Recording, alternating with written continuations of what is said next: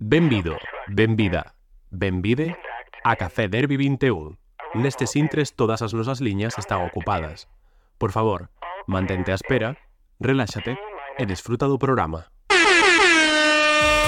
Ben, benvi, benvido, benvida, pide, pide, benvide, mantente á espera, reláxate, reláxate. Por favor, nestes intres Café Derby 21. benvidos, benvides, aquí estamos unha semana máis, non podemos faltar no noso Café Derby 21 Sempre paseando de bar en bar e sempre coa mellor xente. E unha vez máis tomando as cousas Que cousas tomaremos, quen sabe? Bueno, a ver, pues supoño que como eh, despois de 94 episodios a xente pode intuir Estamos bebendo un café con leite de leite ou directamente un vaso de leite Ou eh, leite quente tamén, porque xa empeza a chegar o inverno, pero bueno E que me ollero conta neste caso o noso patrocinador de leite que te amamos e que te bicamos. Por fin existe un leite que non provoca problemas digestivos e ten a mesma estrutura que o leite materno. Nin engadimos, nin quitamos nada. Seleccionamos cun test as vacas que dan leite a dous e conseguimos así o leite máis natural e saudable. Por iso senta ben, é máis saudable, ten un mellor sabor natural e é de maior calidade. De leite a dous a dous o mellor leite posible. E o máis importante é con que imos tomar este café con leite de leite. As comunidades que máis ganas tiñan unha unha traer esta tempada, flamante gañadora na cuncha de Euro de San Sebastián, e na EA directora do Corno, Jaione Camborda. Benvida. Moitas gracias. Bueno, levas un mes absolutamente espectacular dende esa cuncha de ouro. Non sei se foi, bueno, imagino que sería unha sorpresa absolutamente tremenda pero se nos podes contar así dunha forma eh, menos formal que nas entrevistas formais, digamos, eh, como foi esta última viaxe, este último mes desde que se estreou a cuncha todo iso? Xa, pois moi tola, ¿no? porque ademais, bueno, eu son nai tamén dun neno de 4 meses recén cumplidos e Madre outro mía, de dos. Entón, bueno, a viaxe foi como pois dunha intensidade moi forte, non? Entón eu tamén como un pouco eh, for, fora xa de min, non? Porque tens que atender a tantas cousas e eh, tamén tens que estar super atenta aos nenos e, bueno, e como foi como un pouco eh, sobrepasada, creo que unha palabra bastante bastante acertada, pero, bueno, en xeral como moi contenta, non? O sea, creo que, mm, non sei, unha sorpresa que hai que aproveitar e hai que disfrutar eh, e tamén detrás de todo hai tanto, tanto, tanto traballo mm que, que é importante como aprender a disfrutar moito de, de cando as cousas van ben ou tes como logros, ¿no? E, e disfrutar delas para un pouco tamén sanar tanto esforzo, ¿no? Claro. Non pideches sair de festa a celebrar o que? Bueno, salín, salín, salín de festa, pero quizás non así dunha maneira explosiva, ¿no? Como igual No, exacto, no, teño pendente chegar a un after. Por fálame moi ben dos after de San Sebastián, eh? sí. Teño entendido. Completamente. Sí, sí, sí. Eu teño unha dúbida antes de que entremos en materia en cuestión que obviamente ten que ver co corno e é ti non és galega. Non, eu son donostiarra. Claro. Eh, sí. Os segundos me mellores galegos, por suposto, galegos. bueno, os primos irmãos, non? Por suposto, por suposto. E a cuestión é un que ben falas galego, dous que ben escribes en galego e tres firmas en galego.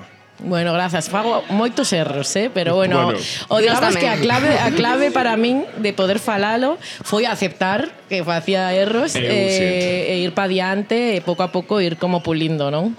Creo que é unha das claves para poder eh, ir medrando no, no idioma. Eh, e, eh, eh, bueno, sí que levo aquí xa 14 anos, creo 13 ou 14 anos, eh, teño un entorno ademais que me facilitou moito o idioma, e incluso a inmersión cultural, non? Uh -huh Eh, e creo que é unha tamén cultura que se abre moito a aquel que quere entrar nela. Sí. Pero, pero como pideches aprender galego se hai xente que vende en Madrid vacacións de, de pon na carta viño branco, non entendo que pon. Convulsión. Claro, se hai xente que perde prazas de médico en Galicia porque non sabe falar galego, pero como Xa. vai ser isto posible? Non sei, non sei.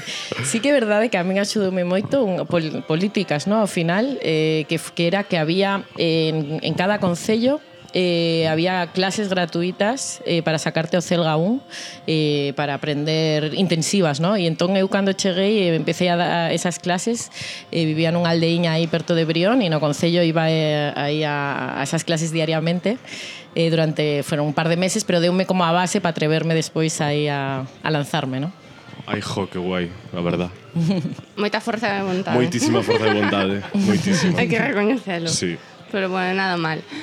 Bueno, estas alturas da película, nunca mellor dito, eu a xente que nos escoita do por feito que xa pasaron polo cinema, senón aínda están a tempo, por sí. favor, pero bueno, imos dar por feito eso e mm. na que non imos desvelar nada. Ya no. está negociando con plataformas, entendo? Sí, bueno, xa mercou eh, de plataformas mercou unha en, xa sobre proxecto Movistar Plus uh -huh. e agora tamén eh, HBO. Ah, Primicia Café Derby 21. HBO. HBO. O corno. Sí. O cor doble sesión. O corno de sexo no. Ah, pues encantaría. Qué maravilla. Proseguimos. E, bueno, o corno, así en resumo, resumo, resumo, conta un pouco unha fuxida, pois unha muller que vai eh, dende Arousa, ten que escapar da súa vila, pois por motivos que... por outros motivos E a mí un, unha das cousas que máis me sorprendeu que ademais cando saímos do cine eu estaba funa vela con Nico, como que comentamos bastante, sinto que moita xente comentou o mesmo, era que a película evidentemente é contada nun pasado, pero é nos anos 70. Quero dicir, eh, non somos do 97, Adrián de 1097, literal, 97 sí, despois de Cristo. De 1007. Exacto. Pero bueno, que non unha época como tan axea xea a nós e parece cando ves a película porque bueno, conta eh, como ese último franquismo que sobre as mulleres ainda era absolutamente terrible, pois non había o dereito a abortar, por exemplo, que é o que se conta na película. Por moito que Mercedes Alcántara conducira en Madrid. Claro, claro. Na Illa de Arousa todavía pasaban movidas. Claro, é moi tolo que o que queríamos falar hoxe era das prohibicións pois de como non fai tanto tempo había prohibicións que nos parecen a min pareceme absolutamente tolo decir, cando a miña nai xa existía sobre a Forza Terra e xa non digo a miña aboa pois pasaba isto É que tamén son prohibicións que hai moita xente e vemos pois nesta época de ascenso ultradereita con gobernos mm. cada vez mm. máis radicais que está volvendo. Uh -huh. Entón, eh, non sei como te sintes ti respecto a eso e tamén si era como o que pretendías contar, mm, non? Tamén sí. unha especie de medo que estaba daquela, pero que de alguma forma segue presente. Sí, bueno, para min, de feito, podería eh, tela datado máis tardíamente, porque o aborto aínda estivo prohibido máis, máis claro. tempo, máis mm. dunha década máis, non? Eh, sí, para min era importante xustamente como establecer unha tamén unha estética temporal, mm. non? Unha idea tamén de que porque ás veces eh, temos como esa estética de, de época que nos separa tanto, ¿no? Da, do que estamos a mm. ver, como se si algo que estivera sí. fechado, como algo que non non xa non é un problema actual porque xa está resolto, non? E para min era importante que a experiencia estética, pois, pues, de vez en cando o espectador esquecera, ¿no? que está eh, no pasado e o, o, sentira como agora, ¿no? como agora. Eh, En ese sentido, por justamente establecer esta dialéctica, ¿no? Co presente, co, con estes, creo que eh, que nos acecha, ¿no? Un pouco esta esta sombra de, de, de posibles prohibicións sobre os nosos corpos, ¿no? E sobre outras cousas. E, e bueno, sí que era unha intención importante, ¿no? Para min. E a resposta do público ante ante isto, o sea, ves que esa mensaxe chegou efectivamente como pretendía, sorprendeuche que moitas, eu penso que sobre todo pois mozas da miña idade, non, mm. que dixéramos, "Wow", porque eu creo que é unha das sensacións, o sea, aquel mm. día na sala do cinema como que máis se respiraba no mm -hmm. no aire. Sí, é que bueno, sí que sentimos agora unha sensación de que todo todo está xa instaurado nese sentido mm. que nada pode camedra, o sea, cambiar, non? eh, realmente son incluso no Parlamento eh, se, se cuestiona aínda hoxe en día, claro. ¿no? O sea, so, realmente está aínda no debate político, mm. o sea que que realmente eh, eh, é importante que todos seamos moi conscientes de que supoñía non? Eh, non ter esas libertades. Eh, e tamén porque bueno eh, a xente morría non? Eh, era imp importante lembrar que o facíamos igualmente. Claro. que es que eh, se fixo sempre. Sí, sí, o que pasa que eh, xogándonos a vida non? Impacta moito o que dicides do que foi nos anos 70, como estaban nos anos 70, ainda que despois pasou 10 anos despois, Eh, si queda para unha doble sesión en Movistar Te estoy llamando locamente o Corno Que é unha peli tamén que fala dos dereitos LGTB Que nos 70 estaban prohibidos. Eh, e, e... Cariño, e ata o 94 bueno,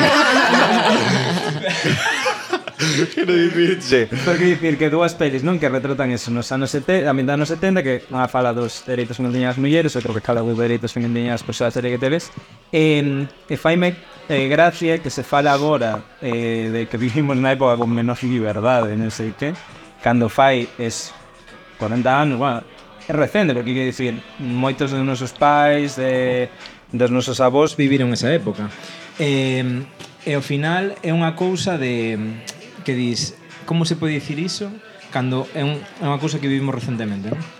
Pois se pode decir que vivimos Creo que época... día vivimos nunha, nunha época sen liberdade cando, cando realmente viviuse nunha época sen liberdade fai nada. No, claro. A ver, eh, obviamente gañamos moito mm, terreno no? en, en liberdades da muller, de, de, de, de, de, sí. de todos os colectivos, no? Eh, pero tamén eh, creo que bueno, tamén estamos entrando en outras eh, faltas de liberdade, ¿no? Eh, que quizás son un pouco máis agochadas, perversas en sentido máis quizás neoliberal do, do concepto, pero creo que obviamente pois pues, tamén temos as nosas ataduras, no? E, e creo que, bueno, sempre creo que o ser humano va a estar sempre abocado a loitar por máis e máis e máis liberdades, no? E sempre ter como ese obxectivo, no? A min chama moitísimo a atención da película Boa. O sea, sei que o problema é das liberdades, pero, o sea, no, do contrario, das prohibicións. pero eu teño que abordar a cuestión de que esas mulleres de Illa de Arousa no ano 73 era tan fidedigno ese camisón e que non... E que fijeime, ese raso barateiro de feira. Non, pero o vestiario está moi ben. E, o vestiario é impresionante. Porque é, moi, é moi difícil ser fiel a unha época sen exagerar as características desa época. Porque sí. ás veces cando vemos películas nos 70, nos 80, claro. é como moi tolo, moi estético, moi... Sí, sí, sí, sí. Moi, pero a xente da golpe e ti o recoñeces porque eu, por exemplo, vexo pois a esas mulleres e miro as fotos que teño na miña casa, pois da xuntude da miña nai e así, e digo, buah, é sí. que é esa roupa. Sí, é que, bueno, aí temos a Uxía mm, eh, Baello, no? que é, unha, é a figurinista e ela, bueno, e tamén a Melania Freire, que é a directora de arte entre, bueno, as dúas investigamos moito, tamén a de diseño de, de, mm, de peru, perruquería, no? Mm. Eh, Lorena Calvo entre nos eh, abrigo, o sea, investigamos moito que era da época, pero que nos permitía tamén establecer pontes co presente, claro. non? Hmm. E, ata, e tamén hai moita fide, fi, fi, fidelidade ao, te, ao momento, non? A época, pese a que hai como un, un xogo estético, non? Hmm. Tamén hai eh, e si, en efecto, hai veces que hai como todo un pouco cartón piedra, non? E nós queríamos tamén fuxir moito de, de, de esa estética. É que, mira, é que había unha cousa, eu tive unha discusión por isto, quero, en plan, saio do outro armario. eh, tive unha discusión por isto. Eh, cunha rapaza que tamén foi ver o corno e díxeme Que non son eu que non é que non é Carmen, vale. que non é Carmen, eu non fun, ela, ela foi e posteriormente sí. díxeme, fun ver o corno. Eh, e díxeme, e que resultou un pouco, pouco verosímil o vestiario. E dixe, precisamente o aspecto super verosímil. Mm. eh, polo tecido e por tal. O sea, os tecidos parecíame moi da época, esas Buah, cuestións... O xersei, co que fai toda esa camiñata, eu dixen, é que eu eh, típico xersei que o vexo no armario sí. da miña boa, sí. e digo, ah, está maravilla. E ten 50 sí. anos, está como o primeiro día, ni media bola. Sí. no, sí, sí, aparte é auténtico da época ese xersei. E, e eh, o camisón de verdade da, da, da primeira escena de, do parto, ese camisón, joder, ese camisón existe. Sí. E, e é típico dunha Galicia Galicia dun determinado tempo, dunha determinada mercadiño. Pri, sí, dun mercadillo, dunha privación de, bueno, de eso, capitalismo, todas estas cuestións.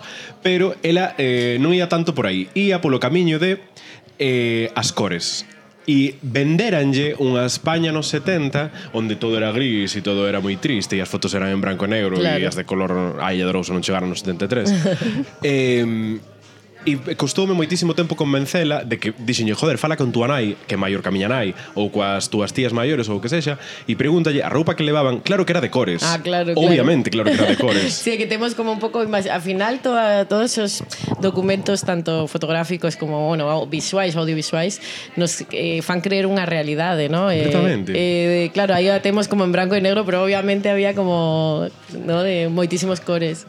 Pero sí, bueno, para para nós era moi importante eh, o bestiario e sí que en efecto pois eh, a, a buscar esta idea temporal, pois hai xente que pensa que é un erro, non unha intención, non? Mm entón pode lelo dende ese lugar, pero ah, é, un, é unha intención, non? Justamente estética.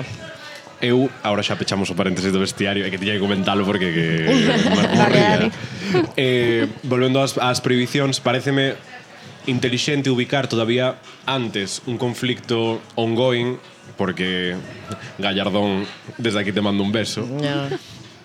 Porque atópame moitas veces e penso que Carme, bueno, a mellor ti tamén de dicir que non sei exactamente de que quinta serás e tampouco quero preguntar, pero Sí, no, no podo dicilo, eh, eh son do 83. Vale, hai unhas hai unha determinada xeración que lle tes que aclarar que os anos 80 non foi fai 20, que foi fai 40. Claro. Ah, é verdade. sí que de verdade que dis aínda nos 70 e pensan que foi onde realmente pasaron 50 anos. 50 anos. Sí, sí, é que, sí. é que Quer dicir, eu penso que a xente que nacimos nos 90 crecimos coa idea de que os 80 foran fai 20 anos, no ano 2000 e quedamos claro. aí xa. a ver, que foron décadas de moitos cambios, iso claro, é certo. Claro. Entonces, eh, cando se retracta este tipo, cando se retracta, se retracta non, cando se retrata este tipo de, de problemas e de problemáticas, pues, en especial o tema do aborto xa cointuraremos por outras prohibicións que había. Pero cando che din isto de ao mellor non hai que correr tanto que ao mellor de tanto correr volvemos para atrás e é como, no, o sea, eu entendo volver tres anos atrás, pero 50 anos é completamente inviable. Xa. Pero correr tanto en que, en que sentido? Cando está esta xente así como... Que non quero dicir bella, pero avellentada. eh, que como, no, é que ahora queredes correr moito e, e non se pode ah, correr... Polas liberdades Polas liberdades acaladas. Mira, teñes a Calderón un momento destos brillantes de forma semanal que di hai que correr mentras podes porque logo chega a dereita e dende fai uns anos a ultra ultra e corta todo. Así que, mentras teñas camino, é mellor eh, botar a correr... Claro. E corta, eh? eh? Que, sí, exacto. É que corta, non é, non é, é como...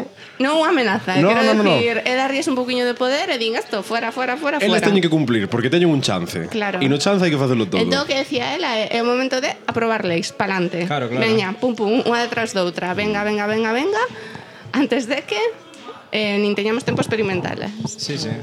É que eh, por eso unindo todo co das prohibicións eh, non sei se ti atopache algunha forma de conflicto porque na, na, vis, na iba a dicir na exposición na, na preestrea que fomos Carmen máis eu mm. patrocinada por Deleite un bico de leite eh, había mulleres de moi de un dun espectro moi amplo de idades. De idades, sí. E foron varios testemunhas de mulleres maiores de vime reflectida, vime tal, a nos mm. quedábamos moi longe e, sin embargo, fomos capaces de empatizar. Mm.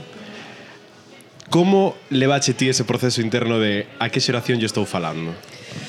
Sí, eu creo que... Para non prohibirlles Mm, hilando que te fiai ben que fiado. Para non prohibirlles a outra xeración a capacidade de empatizar con outra. Claro. Porque esta mesma, esta mesma historia contada hoxe en día non creo ou é que non o sei, porque a sororidade é unha materia moi moi voluble. Nos... Se unha persoa maior vería a un, a un esa mesma empatía. Bueno, eu creo que a sororidade eh, é algo que agora mesmo se verbaliza, se inte intelectualiza, obviamente se intenta que, que iso este na sociedade e leválo a cabo, pero creo que antes se facía de unha maneira máis inconsciente quizás ou con menos verbalizada, non? Eh, e se mm. facía moitísimo, incluso máis, non, que agora. Eh, pero bueno, eh, creo que tamén a clave un pouco de de, esa, de esa universalidade a nivel de de xeracións é a, a propia linguaxe que a, eh, a, interpela algo máis eh, pues, bueno, tamén universal no? de, o de mm, algo como humán mm. eh, af, mm, animal, mamífero eh, da terra, no? algo que, que, que, que trascende xeracións ou, ou momentos épocas non concretas. E creo que nese sentido pode ter algo pois que, que pode apreciar igual unha persoa que viviu esa época, pero que tamén pode sentir como como actual outra sí. outro, non? Outra persoa da vosa idade tamén. E creo que tamén o filme transita personaxes de moitas idades, non? E, e podes verte de feito é que a idea de verse reflexado é, é un tema en sí da propia película, non? Eh, María, que é a protagonista, vese reflexada na, na xoven uh -huh. eh, bueno, non vou a facer spoiler eh, na, na, na, na xoven que pasou por unha cousa que ela tamén pasou de xoven non? O, o tamén verse reflexida, reflectida en, en personaxes que veñen despois porque está no mesmo eh, punto ou podería estar non? Eh, mm. igual no caso de unha portuguesa que hai en un Ai, bar. dios, esta era a miña pregunta se a portuguesa da taberna do Rosal era ela da outra parte claro, de algún xeito xoga un pouco firme a, a estos, estas, estas cuestión de verte reflexada okay, no outro, vale. de ser outro, ¿no? Quedo moi de poder ser outro. Entón, nese sentido de poder ser outro, para min é onde nace a empatía, onde nace a sororidade, os cuidados, ¿no? Eh, e un pouco que intenta o filme nese sentido é mm, eliminar a distancia coa natureza, eliminar a distancia co animal, eliminar a distancia entre nós, ¿no? E un pouco ser un todo, ¿no? e, e un pouco esa é unha das esencias entón, bueno, a idea de verse reflectido no? e creo que, que aí tamén o espectador pode, pode sentilo, non? E este é o concepto que premiou Claire Denis no Festival de San Sebastián. Unha eh? muller que sabe moitísimo de cine. Sí, bueno, nós tampouco imos cortos. ¿eh? Pero eu penso que este tipo de historias, eh, bueno, nos que se tratan temas así, non? Son moi atemporais, eh, tanto pode tocar dunha historia eso ambientada nos 70 como unha historia de ambientada na actualidade, porque quero dicir, hai moitos países nos que aínda sigue o aborto eh, sendo unha cousa prohibida e demais. Se empezamos non acabamos. Eh, eh, eh Eh, Co cal é unha cousa, bueno, sobre todo as mulleres, tocará vos máis de cerca, pero... Pois dalle o micrófono, deixei falar ti do asunto. Por favor, que tengo aquí unha pequena intervención en favor de, Señor de outros culpables. Eh, eh, eso, que penso que ese tipo... Hai historias, hai problemas que son atemporais e que tocan todas as épocas e todas as historias, ao final, eh, empatizas igual, non? Uh -huh, exacto. Sí, me parece que que sí, que todos, eh, que creo que esto es algo que vaya a acechar siempre, ¿no? Eh, eh, mirar por, las libertades y revisitarse, ¿no? Por ejemplo, esta idea de do animal, ¿no? Me parece que hoy en día está máis vigente que, que, que nos anos 70 sí. e que iso posiblemente reverbera máis nas nosas xeraciones que non naquelas, non?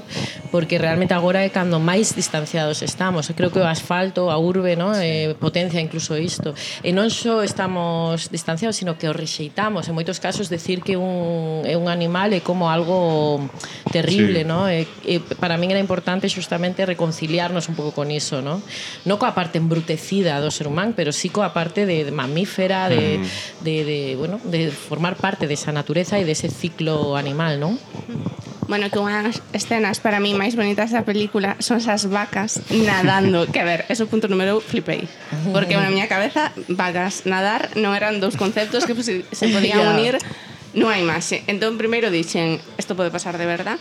E logo hai ese momento na vaca que como que axuda o tenreiro e está a protagonista mirando que é un momento que diste, ela igual É que non creo que non, non sei no, se si podemos facer falar. spoiler. Sí ou non? Non, non, non. No. Ah, bueno. eh. bueno, pois pues, é un momento no que claramente a protagonista ve iso e di como que hai certa empatía coas sí, vacas, claro, certa claro, identificación sí, sí. de de ese momento vital de arrastrar aos nosos fillos e axudalos e tirar pa diante e dis, qué bonito amarse de, de, que me parece increíble que as vacas naden. No, no.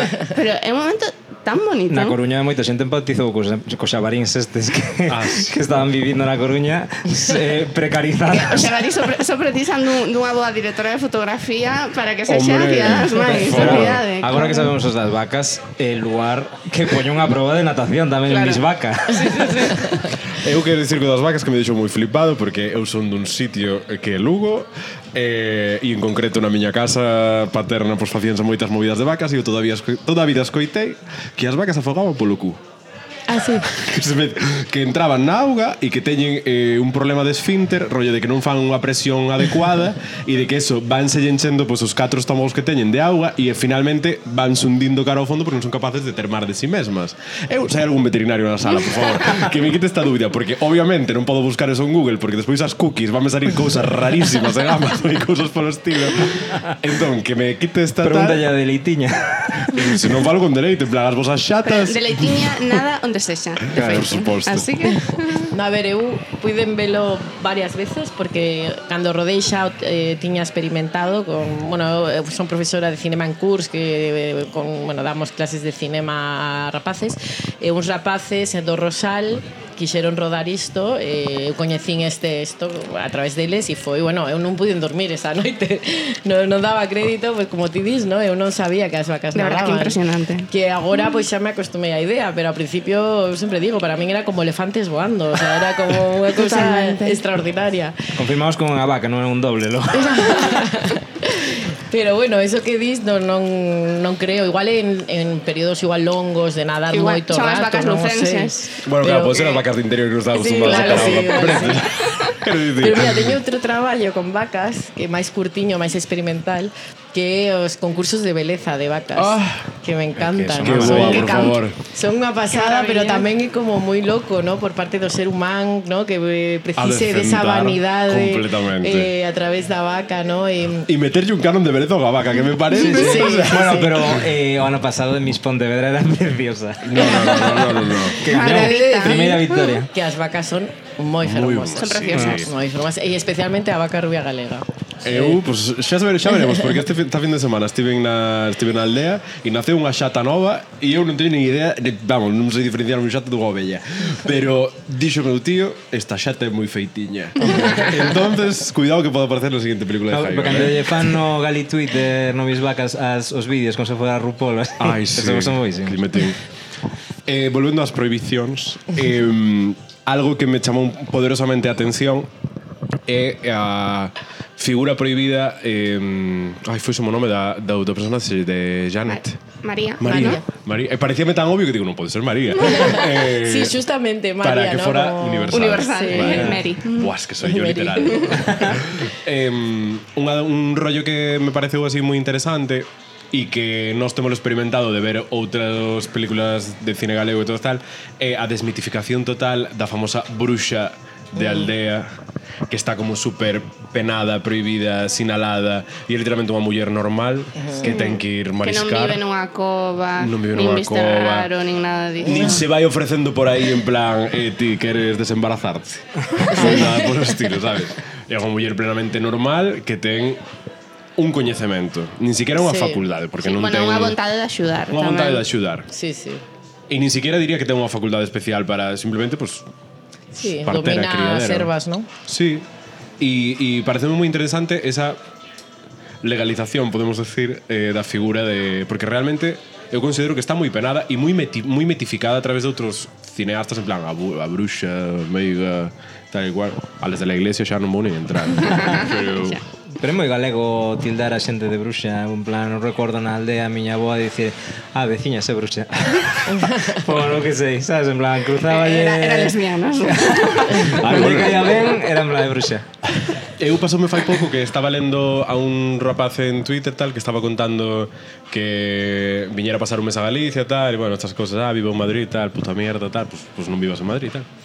E que súa avó antes de marchar que lle dixo é mellor que no camiño de volta eh, que votes non sei cantos padres nuestros non sei que que eu penso que a veciña de enfrente onde votou un mal dollo Ola, se chegache ata aquí moitas grazas por sernos fiel e pasar o tempo con nós.